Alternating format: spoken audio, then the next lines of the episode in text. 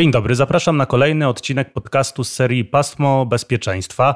Podcast przygotowywany jest przez Partnerstwo dla Bezpieczeństwa Drogowego, organizację pozarządową, która zrzesza różne podmioty, między innymi właśnie e, z sektora rządowego, pozarządowego, ale też ze świata biznesu oraz świata mediów. E, wszystko łączy jeden temat poprawa bezpieczeństwa na polskich drogach. Ja nazywam się Krzysztof Woźniak, jestem dziennikarzem Radio Tok FM i dzisiejszym tematem podcastu będzie w ostatnim czasie bardzo popularny temat, mianowicie elektromobilność. Postaramy się odpowiedzieć na pytania, czym właściwie jest elektromobilność, jakie problemy rozwój tej elektromobilności może rozwiązać oraz jakich narzędzi potrzeba, aby ten rozwój elektromobilności i w ogóle elektromobilność spełniła swoje zadania. O tym wszystkim będę rozmawiać z Andrzejem Gemrą, ekspertem od elektromobilności z Renault. Dzień dobry. Dzień dobry, witam Państwa. Oraz Adamem Jędrzejewskim ze Stowarzyszenia Mobilne Miasto. Dzień dobry. Dzień dobry. Panowie, mm, przyznam szczerze, że mm, z obserwacji różnych e, tematów pojawiających się w mediach, w mediach społecznościowych, to ten, ta elektromobilność jest w pewien sposób zawładnięta przez temat samochodów elektrycznych. I chciałbym, żebyśmy na początku rozwinęli, czy też spróbowali zdefiniować elektromobilność, ale tak e, szerzej. Szerzej w znaczeniu, czym jest elektromobilność na początku trzeciej dekady XXI e, wieku. Panie Andrzeju, bardzo proszę. Właśnie to e, e, ciekawie e, rozpoczęliśmy ten nasz podcast, dlatego że właśnie elektromobilność to słowo, które Pan podkreślił w rankingach terminów związanych z motoryzacją dzisiaj w internecie zajmuje pierwsze miejsce. Bardzo dużo się tego mówi, ale jak Pan mówi, jest to związane z, tylko i wyłącznie z samochodami elektrycznymi. Natomiast elektromobilność to jest zagadnienie, które znane jest już e, w zasadzie od kilkuset lat, e, od momentu, kiedy powstały pierwsze samochody napędzane energią elektryczną. Natomiast teraz w, obecnym czasie zajmują zupełnie inne jakby obszary działalności, obszary zajmowania się ludzi na, na, na całym świecie. Ja zdefiniowałbym to w ten sposób, że jest to całokształt e, zagadnień związanych z pojazdami z napędem elektrycznym. I to, e, to pojęcie moim zdaniem odnosi się zarówno do tych e, spraw technicznych, jak i eksploatacyjnych, jakie jest związane z pojazdami z napędem elektrycznym. Bo to wiąże się z produkcją energii elektrycznej, która służy do ich napędzania. To jest kwestia związana z magazynowaniem tej energii elektrycznej, czyli z bateriami do samochodów elektrycznych. Też niezwykle ciekawy e, temat. E, elektromobilność to również e, infrastruktura do ładowania tych pojazdów elektrycznych, doprowadzanie energii elektrycznej do tych stacji ładowania. Ale to również kwestia wytwarzania pojazdów elektrycznych. E, te pojazdy trochę inaczej się konstruuje, e, one też in, trochę inaczej się produkuje i również trochę inaczej się eksploatuje niż e, samochody spalinowe. Kwestia recyklingu, także to jest naprawdę szerokie zagadnienie. Nie skupiajmy się tylko na tym, jakie to są, że to jest związane tylko z samochodami elektrycznymi, ale też myślę, że należy myśleć o tych wszystkich innych aspektach, o które, które wymieniłem do tej pory. Adam Jędrzejewski, przedstawiciel Stowarzyszenia Mobilne Miasto. Elektromobilność to nowy wymiar mobilności? Jak dla mnie nie.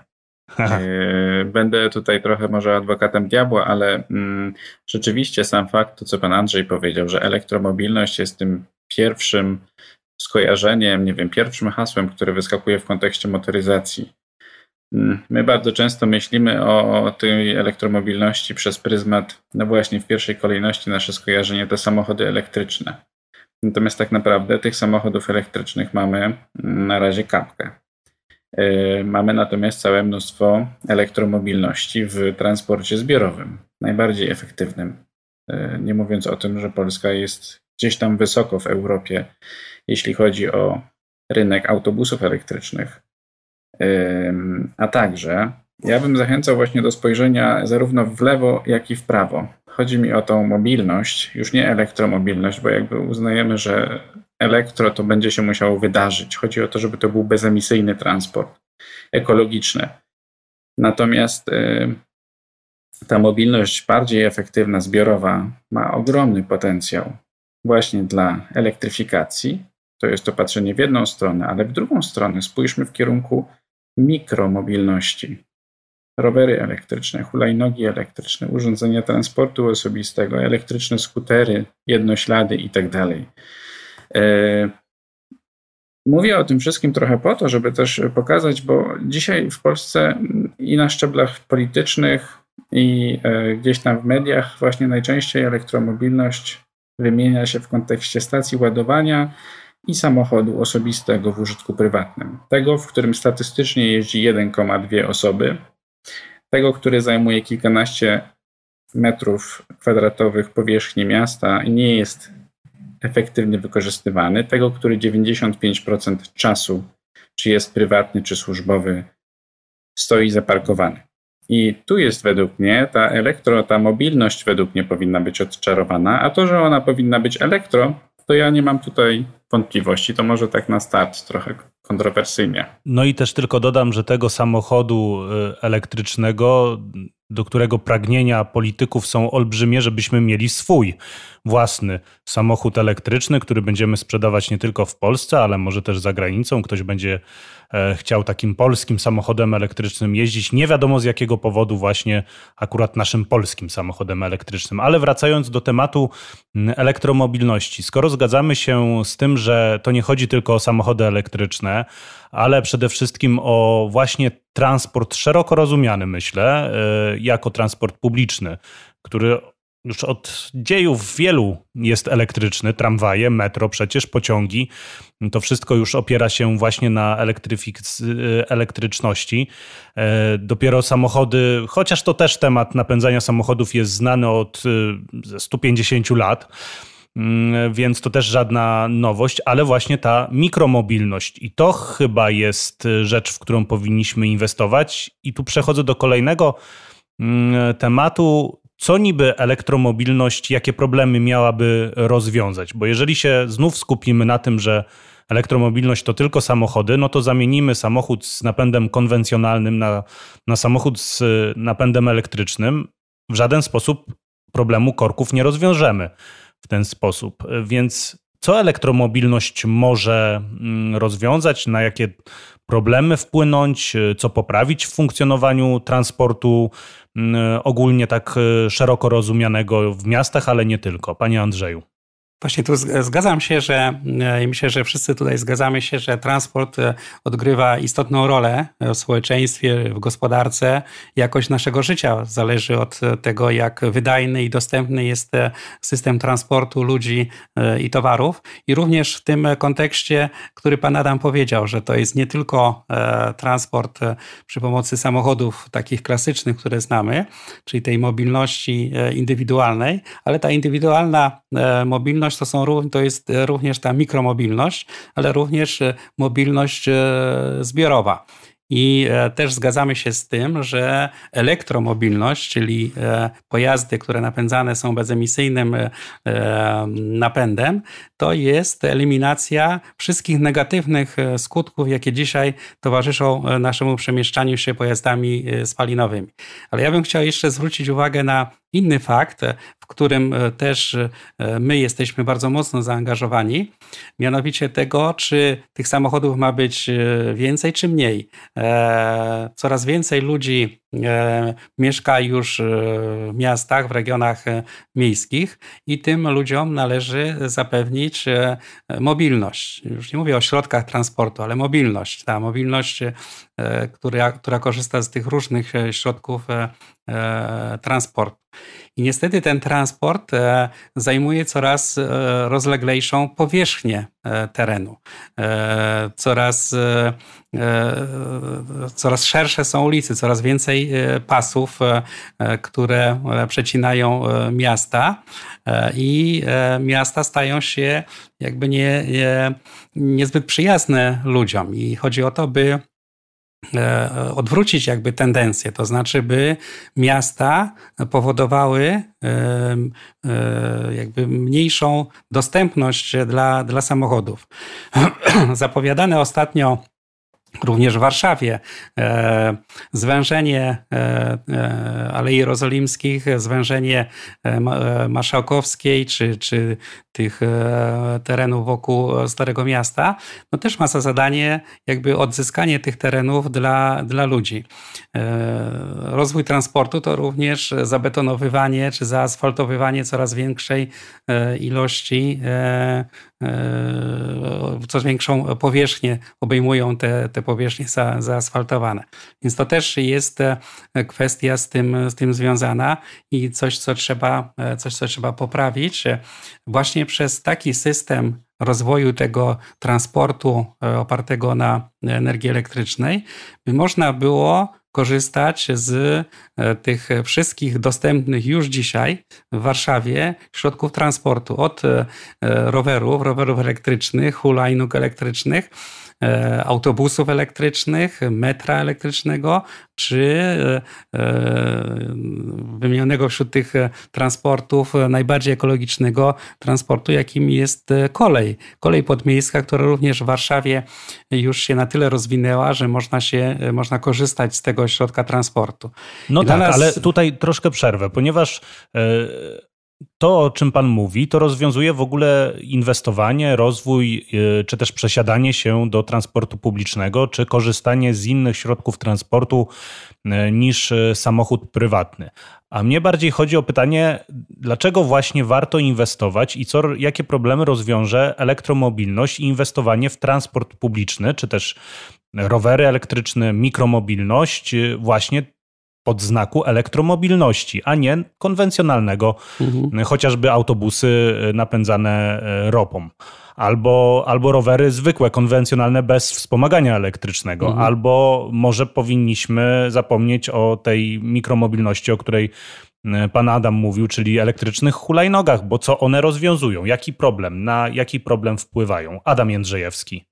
Co do zalet elektromobilności, no to wydaje mi się, że powinniśmy jakby rozdzielić pewnie tę dyskusję. Nie mówię tę, ale w ogóle dyskurs, e, w którym e, dyskutujemy o elektromobilności. Jedna rzecz to jest ten człon o mobilności, żeby ona była efektywna, sensowna, żeby można było odzyskać mm, części miasta e, spod ruchu indywidualnego i po prostu organizować transport tak, żeby to było optymalnie, możliwie optymalnie.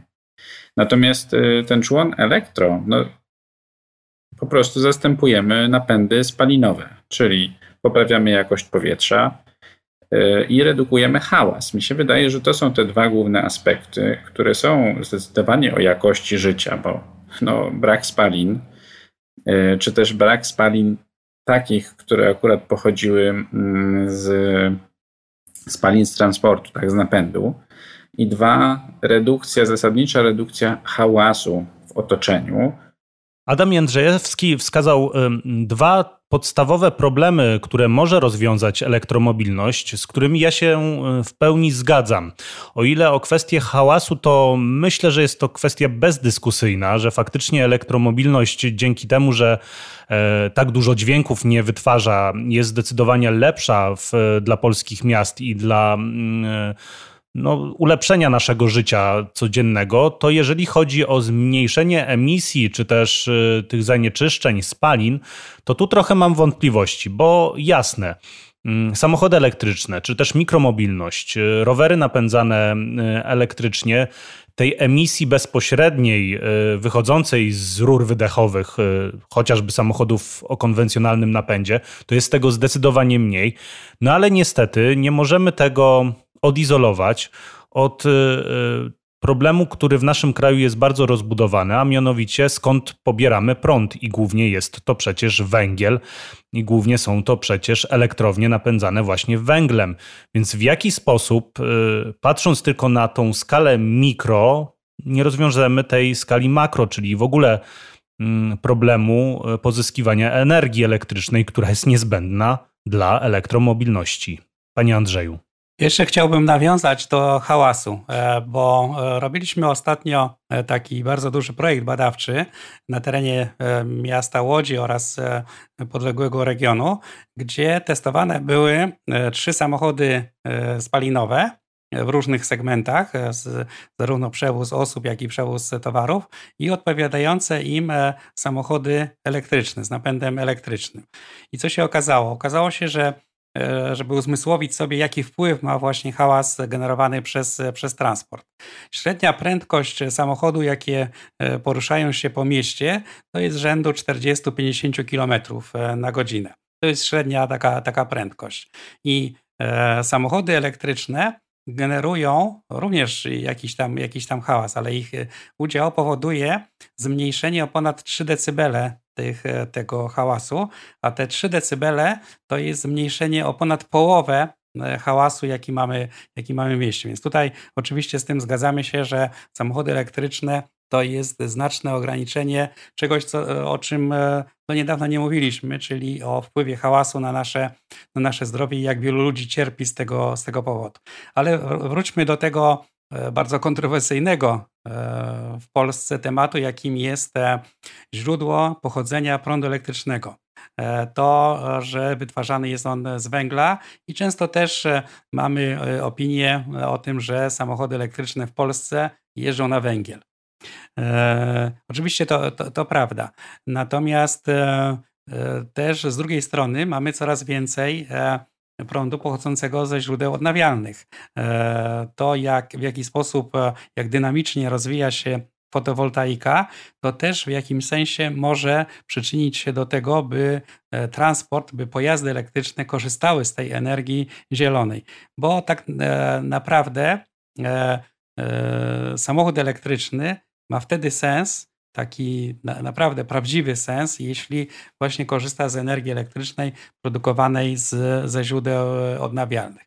No u nas e, niestety ponad 80% udział e, energii elektrycznej produkowanej z węgla no stawia pod znakiem zapytania sensowność. Ale chciałbym powiedzieć jednak to, że elektrownie, które e, węglowe, które to produkują, no, znajdują się gdzieś tam, w centrum Polski, jak Bełchatów. E, e, natomiast e, tam, gdzie my, ludzie, przebywamy w największej ilości, w największych skupiskach, to są jednak miasta. I tam nasze życie obciążone hałasem pochodzącym z tego transportu i obciążone zanieczyszczeniami, jakie się wydobywają z rur samochodów, no to tam ma największy wpływ.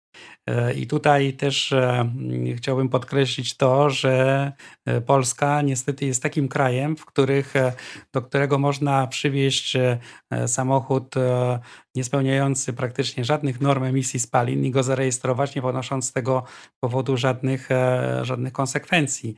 Dzisiaj średnia wieku samochodów jeżdżących to jest ponad 15 lat, a sprowadzanych ponad 13 lat, więc tutaj jest też ten problem. Jest nie tylko problem w tym, że elektryczność e, jest z węgla, ale również problem taki, że e, w transporcie tym indywidualnym niestety zbyt dużą rolę grają używane samochody sprowadzane co roku do Polski. Więc mamy poważny problem, ale Jesteśmy jednym z krajów e, światowych, europejskich, no i nie możemy być samotną wyspą, tylko też musimy zacząć działać e, również w transporcie, e, również w energetyce, by te samochody elektryczne, które są przyszłością niewątpliwie motoryzacji, mobilności, no były napędzane paliwem, które pochodzi z czystych źródeł.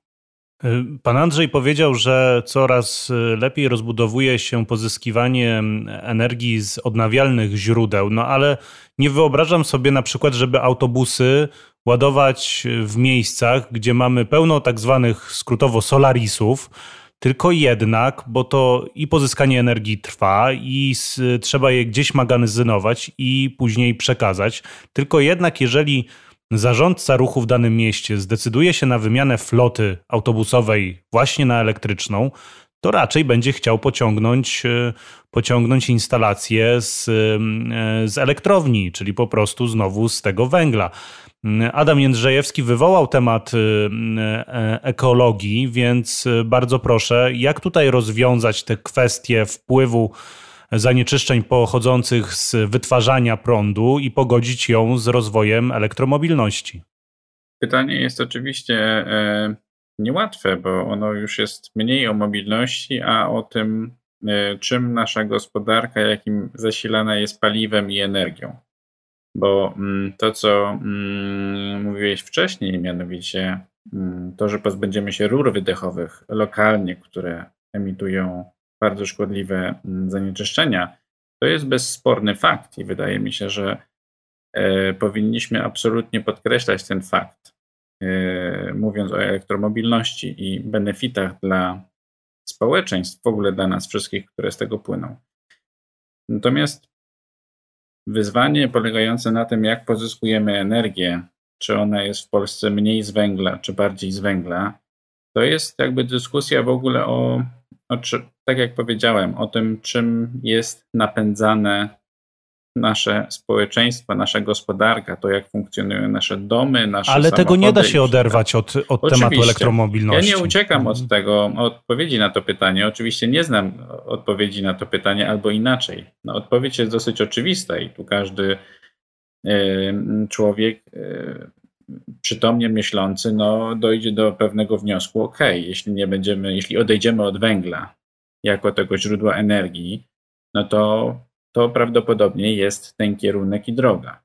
Ona nie mówi nic o tym, jak to zrobić, o realności tego i o różnych innych konsekwencjach, aczkolwiek kierunek jest dosyć oczywisty. Jeśli przestawimy się z y, tych kopalnianych paliw na odnawialne źródła energii, idąc być może drogą wielu innych y, krajów na świecie, które są dużo bardziej zaawansowane od nas na tej drodze, do odnawialnych źródeł energii. Nie musimy daleko szukać, możemy przez naszą zachodnią, czy przez nasze zachodnie granice zajrzeć, jak to się robi. No to jest na pewno ten kierunek. Y, Czyli żeby elektromobilność spełniała jedną ze swoich funkcji rozwiązania problemu zanieczyszczenia, wpływu e, transportu e, na jakość powietrza, na zanieczyszczenia, e, to musimy też myśleć o odchodzeniu oczywiście od węgla, od wytwarzania prądu węglem, a właśnie na źródła odnawialnej energii w pewien sposób. Tak, ale jeszcze jeden malutki wtręcik tylko, bo tu też widzę, że pan Andrzej na pewno chciałby zabrać głos w tym temacie.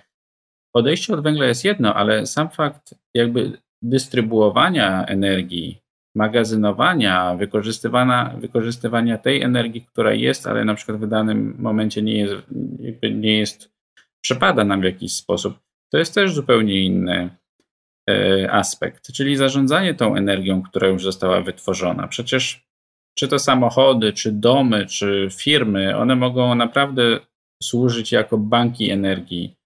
I Dzisiaj mamy strasznie dużo strat w systemie energetycznym. Ja nie jestem specjalistą od sieci przesyłowych, od tego wszystkiego.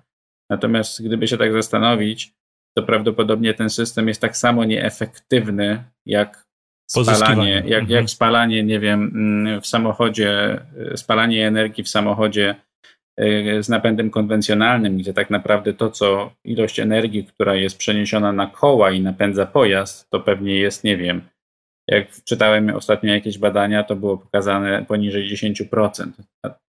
Utratę energii mamy ponad 90%. No tak. Jest jeszcze jeden temat związany z ekologią i z elektromobilnością, od którego nie możemy uciekać i nie jesteśmy w stanie tego zrobić.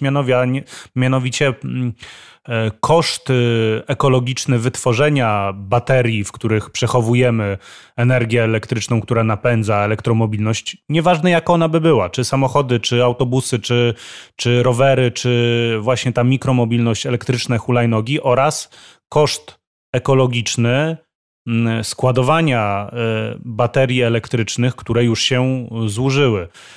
Panie Andrzeju, czy wiemy, jakie koszty ekologiczne są produkowania baterii służących do napędzania samochodów elektrycznych? Właśnie, ja bym chciał połączyć te dwa tematy. Pierwszy to, o czym przed chwilą pan Adam mówił, mianowicie chciałbym podać Państwu taki przykład e, działań, jakie Renault prowadzi. Mianowicie e, na takiej wyspie Porto Santo, która leży niedaleko wyspy Madera, To jest taka wyspa znana z wyjazdów sylwestrowych naszych polityków. Utworzyliśmy tam taki obszar, w którym wspólnie zresztą z lokalną administracją zrobiliśmy projekt, który miał za zadanie wyeliminowanie E, kopalnych e, źródeł energii na rzecz źródeł odnawialnych. I ten cały system e, składa się z mm, farm wiatrowych i farm fotowoltaicznych, z pewnej ilości samochodów elektrycznych, które służą mieszkańcom do, do, do poruszania się i oczywiście system przesyłowy, ale również magazyny energii. Do tej pory tę energię elektryczną wytwarzała elektrownia dieslowska, więc trzeba było dostarczać tam właśnie E, paliwo kopalne. Natomiast e, w tej chwili e, ten system działa w ten sposób, że te odnawialne źródła energii produkują energię elektryczną.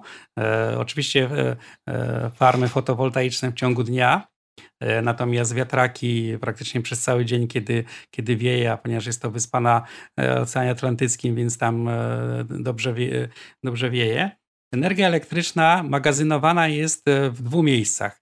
E, po pierwsze, w, właśnie w bateriach, e, z, które wcześniej były używane w samochodach elektrycznych, czyli to jest ta odpowiedź na, na pytanie, co można zrobić z tymi z bateriami z samochodów elektrycznych. I drugie miejsce, gdzie gromadzony jest ten, e, ten prąd, to, jest, e, to są baterie w jeżdżących samochodach elektrycznych. Po prostu mieszkańcy, którzy e, posługują się tymi samochodami elektrycznymi, wtedy, kiedy nie jeżdżą, po prostu podłączają te samochody do ładowarek. I te ładowarek, jakby ma, te ładowarki mają bezpośrednie połączenie z e, właśnie z wiatrakami, z e, fotowoltaiką i po prostu te samochody są e, cały czas ładowane i mają możliwość oddania tej energii wtedy, kiedy, nie wiem, w, w konkretnym domu czy gdzieś w innym domu potrzebna jest E, energia do, nie wiem, do e, lodówki czy do, czy do, czy do klimatyzacji. Naładowania smartfona. Tak, czy do ładowania smartfona. Czyli stworzyliśmy taki zamknięty układ, w którym została wyeliminowana E, energia pochodząca ze źródeł kopalnych na rzecz źródeł odnawialnych i to wszystko funkcjonuje, całe ten, e, cała ta wyspa, gdzie jest tam 5 tysięcy mieszkańców normalnie, a 20 tysięcy, kiedy e, przyjeżdżają w lecie i ona funkcjonuje, funkcjonują środki, środki transportu. I ten drugi element właśnie baterii, co się dzieje z tymi bateriami, czy to jest element e, e, zanieczyszczający, czy nie. Więc też e, chciałbym powiedzieć, że baterie w samochodach elektrycznych, na które producent, my jako Renault dajemy 8 lat gwarancji, bądź 160 tysięcy kilometrów, czy 70% jej sprawności, w ciągu takiego życia, pierwszego życia samochodu, no, funkcjonują w tym samochodzie przez, przez 8 lat. Jeśli, e, jak mówię, sprawność ich spadnie poniżej 70%, e, no to są wymieniane, ale 70% czy 60% to jest nadal potężny magazyn, możliwy magazyn energii, taki powerbank. Więc jeśli te, te baterie w takim stanie E, się połączy e, kilka, kilkanaście e, w, w kontenerze, takim kontenerze mobilnym i będzie zasilany właśnie ze źródeł odnawialnych, tak żeby ta energia z wiatraków nie była tracona, czy energia z fotowoltaiki nie była tracona, tylko właśnie gromadzona w takich magazynach energii, których też mamy, e, mamy takich kilka projektów e, w Europie, to ona może służyć do stabilizacji sieci, do tego, by te e, doładować autobusy na, na przystanku i jakby nie zanieczyszczać środowiska. I tak Czyli wtórne, wtórne wykorzystanie tych wtórne baterii. wykorzystanie, jeszcze. tak. Mhm. I takie, w, takim, jakby w takiej roli te baterie mogą pracować też e, kolejne 8, 10 i więcej, więcej lat. Więc jak dodamy już te dwa e, etapy życia, to już mamy ponad 20 lat e, użytkowania takiego, takiego, takiej baterii, takiego akumulatora. No Adam Jędrzejewski, czy z bateriami z elektrycznych hulajnóg można zrobić to samo, co z bateriami z samochodów elektrycznych, bo jednak ich pojemność i żywotność jest chyba różna. To jest tylko y, oczywiście kwestia skali i pojemności tej baterii, natomiast nie ma żadnych przeciwwskazań, żeby nie zastosować dokładnie takiego samego mechanizmu. Co więcej, tego typu mechanizmy są wykorzystywane. Mm, podam przykład z branży współdzielenia mobilności, właśnie mikromobilności pojazdów elektrycznych, mm, z rynku elektrycznych hulajnóg, e, czy też elektrycznych skuterów. Otóż te baterie, które już nie są nowe i już nie spełniają e, tak e, tych parametrów wyjściowych, są potem używane jako powerbanki powerbanki na przykład w takich urządzeniach, które są odłączone od sieci, ale umożliwiają na przykład w przestrzeni publicznej naładowanie mm, innych y, pojazdów elektrycznych. Czyli jakby mamy ten wtórny cykl, y, to wtórne wykorzystanie także w tym obszarze mikromobilności. I y, w ogóle cały temat elektromobilności, tam jest dużo kontrowersji na temat efektywności produkcji baterii, jakby można byłoby i też powstały y, no, mnóstwo y, artykułów, książek, tak, badań i tak dalej. Mm, trudno mi dzisiaj y, powiedzieć, w którym kierunku dokładnie to, to pójdzie. Niektórzy mówili, że może wodór będzie czymś, co odmieni elektromobilność, natomiast wydaje się, że jego zastosowanie w tej chwili nie jest takie proste czy jednoznaczne w transporcie mm, indywidualnym, przykładowo. Tak. Czas y, biegnie nieubłaganie, a muszę z, panem, z panami jeszcze porozmawiać o wyzwaniach, e, które e, ułatwią, czy też narzędziach, które ułatwią spełnienie tych wszystkich założeń, o których mówiliśmy.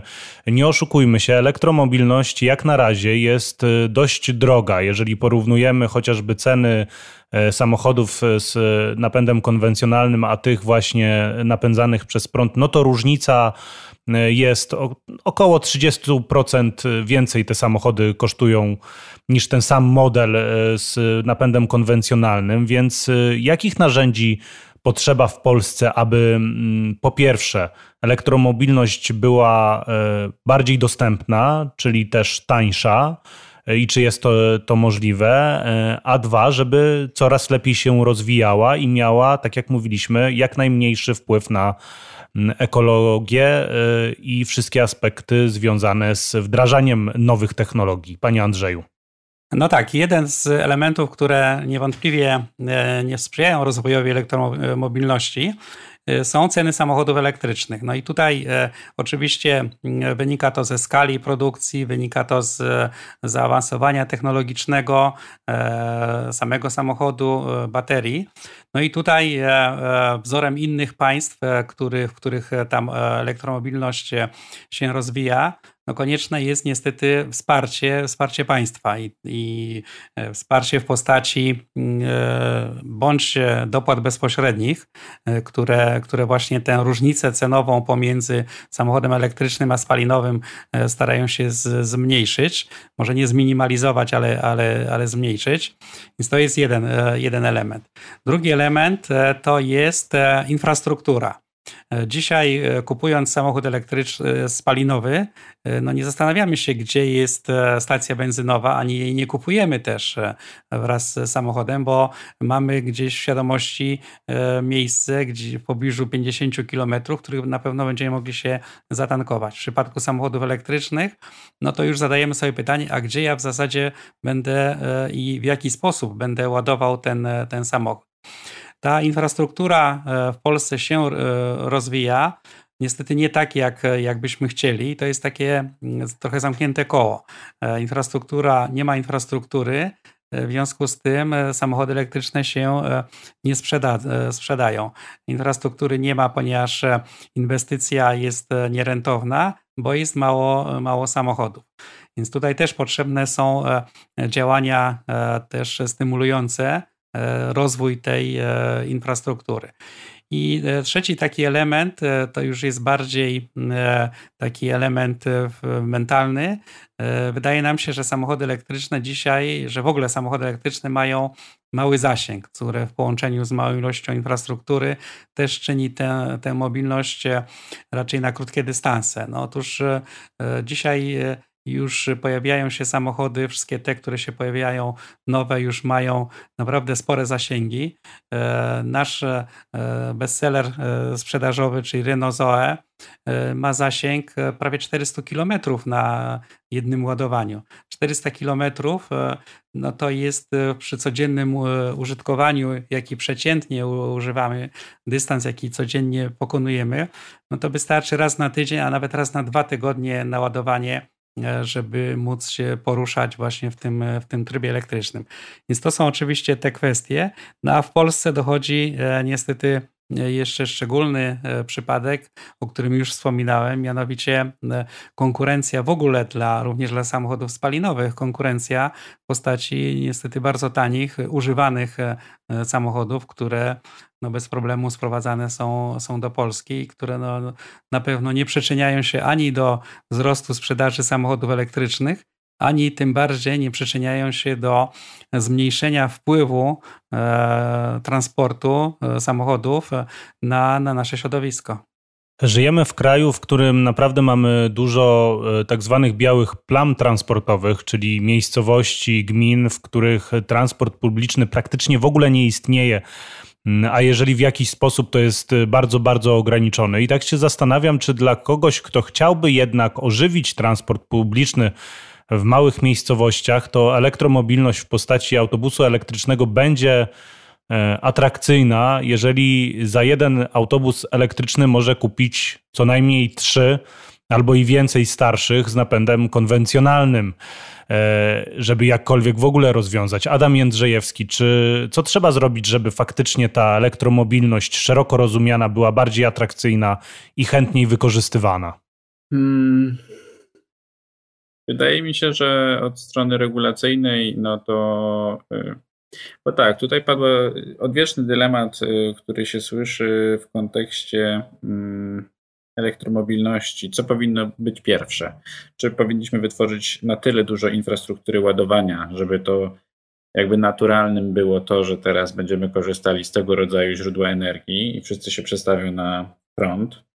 Czy też powinniśmy nabyć tyle różnego rodzaju pojazdów, od autobusu, a na hulajnodze elektrycznej kończąc, czy czymkolwiek innym, które niejako wymuszą dopiero e, wytworzenie infrastruktury, czyli tak taki ten chicken egg dilemma, tak? czy kurczak, czy jajko. No, e, czy najpierw infrastruktura, czy najpierw pojazdy. Mi się wydaje, że ja tutaj widzę pewną analogię, bo ja nigdy nie słyszę jednoznacznej odpowiedzi, co powinno być pierwsze, tylko cały czas stawianie tego problemu to czy tamto. A mi się wydaje, że infrastruktura powinna być pierwsza i za infrastrukturą przyjdą pojazdy. Analogicznie jak w rowerach. Będzie infrastruktura, to przy, przyjdą rowerzyści, którzy będą się czuli tam komfortowo, niezależnie od wieku, umiejętności, będą z niej korzystać. Aniżeli taki wariant, w którym najpierw y, wszyscy zaczną jeździć rowerami, mimo że nie ma do tego warunków, i dopiero potem powstaną drogi rowerowe. Nie uważam, żeby byśmy mieli przez fakt wytworzenia pewnej masy krytycznej pojazdów elektrycznej wymusić wybudowanie infrastruktury do ładowania pojazdów elektrycznych. Uważam, że infrastruktura powinna być pierwsza, a za nią przyjdą elektryczne pojazdy w każdej odmianie, więc ta infrastruktura też powinna być taka, która dostrzega mikromobilność, makromobilność, samochody takie czy inne. Dzisiaj tego nie ma regulacyjnie, bo e, dopiero niedawno, chyba, nie jestem jakby tu specjalistą w tym obszarze, ale chyba dopiero dopuszczono, być może gdzieś tam wpisano rower elektryczny jako coś, co też może uzyskać pewnego rodzaju E, wsparcie regulacyjne. Ale to są chyba rzeczy, które nie wiem, czy dopłaty, dopłaty są... do tak, tak te, ale tego rodzaju, ale to pewien, bardziej tak. Czy to jest status już przegłosowany, czy to dopiero jest dyskusja? Nie jest, nie jest, nie jest. Chętniej właśnie firmy, czy to korporacje w jakiś sposób wspierają swoich pracowników przez dofinansowania takie wewnętrzne, właśnie zakupu e, e, roweru wspomaganego elektrycznie, ale na poziomie centralnym no to tego jeszcze brakuje. Panowie, moglibyśmy rozmawiać jeszcze przynajmniej przez godzinę albo i dłużej o elektromobilności, ale niestety musimy ko kończyć. Niewątpliwie jest to pewnego rodzaju przyszłość e, transportowa, szeroko rozumiana.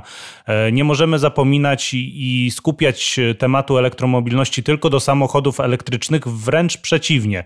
Powinniśmy wykorzystywać e, napęd elektryczny do szerszego rozwijania transportu publicznego, który jest najlepszym rozwiązaniem w miastach ale też pomiędzy, pomiędzy miastami. E, powinniśmy rozmawiać o poszerzaniu właśnie tej mikromobilności, chociażby rowerów wspomagających prąd, ale także zmianie parku e, samochodów e, osobowych, pojazdów prywatnych, samochodów prywatnych na mniej emisyjne, zeroemisyjne tak bezpośrednio. No i oczywiście to, co powiedzieliśmy i dużo poświęciliśmy na temat zmiany w sposobie pozyskiwania energii, która będzie napędzać przecież tę elektromobilność. Andrzej Gemra, ekspert do spraw elektromobilności z Renault oraz Adam Jędrzejewski ze Stowarzyszenia Mobilne Miasto byli e, Państwa i moimi gośćmi w podcaście, w kolejnym odcinku podcastu Pasmo Bezpieczeństwa przygotowywanego przez Partnerstwo dla Bezpieczeństwa Ruchu Drogowego. Myślę, że to też jest dobry temat, jak rozwój elektromobilności będzie wpływać na bezpieczeństwo na drogach. I kolejny temat, który na pewno pojawi się w e, paśmie bezpieczeństwa. Na dziś bardzo serdecznie dziękujemy. Również ja, Krzysztof Woźniak, jestem dziennikarzem Radia Tok FM. Serdecznie zapraszam do odsłuchania wszystkich odcinków serii Pasmo Bezpieczeństwa dostępnych na stronie internetowej Partnerstwa dla Bezpieczeństwa Ruchu Drogowego. Do usłyszenia.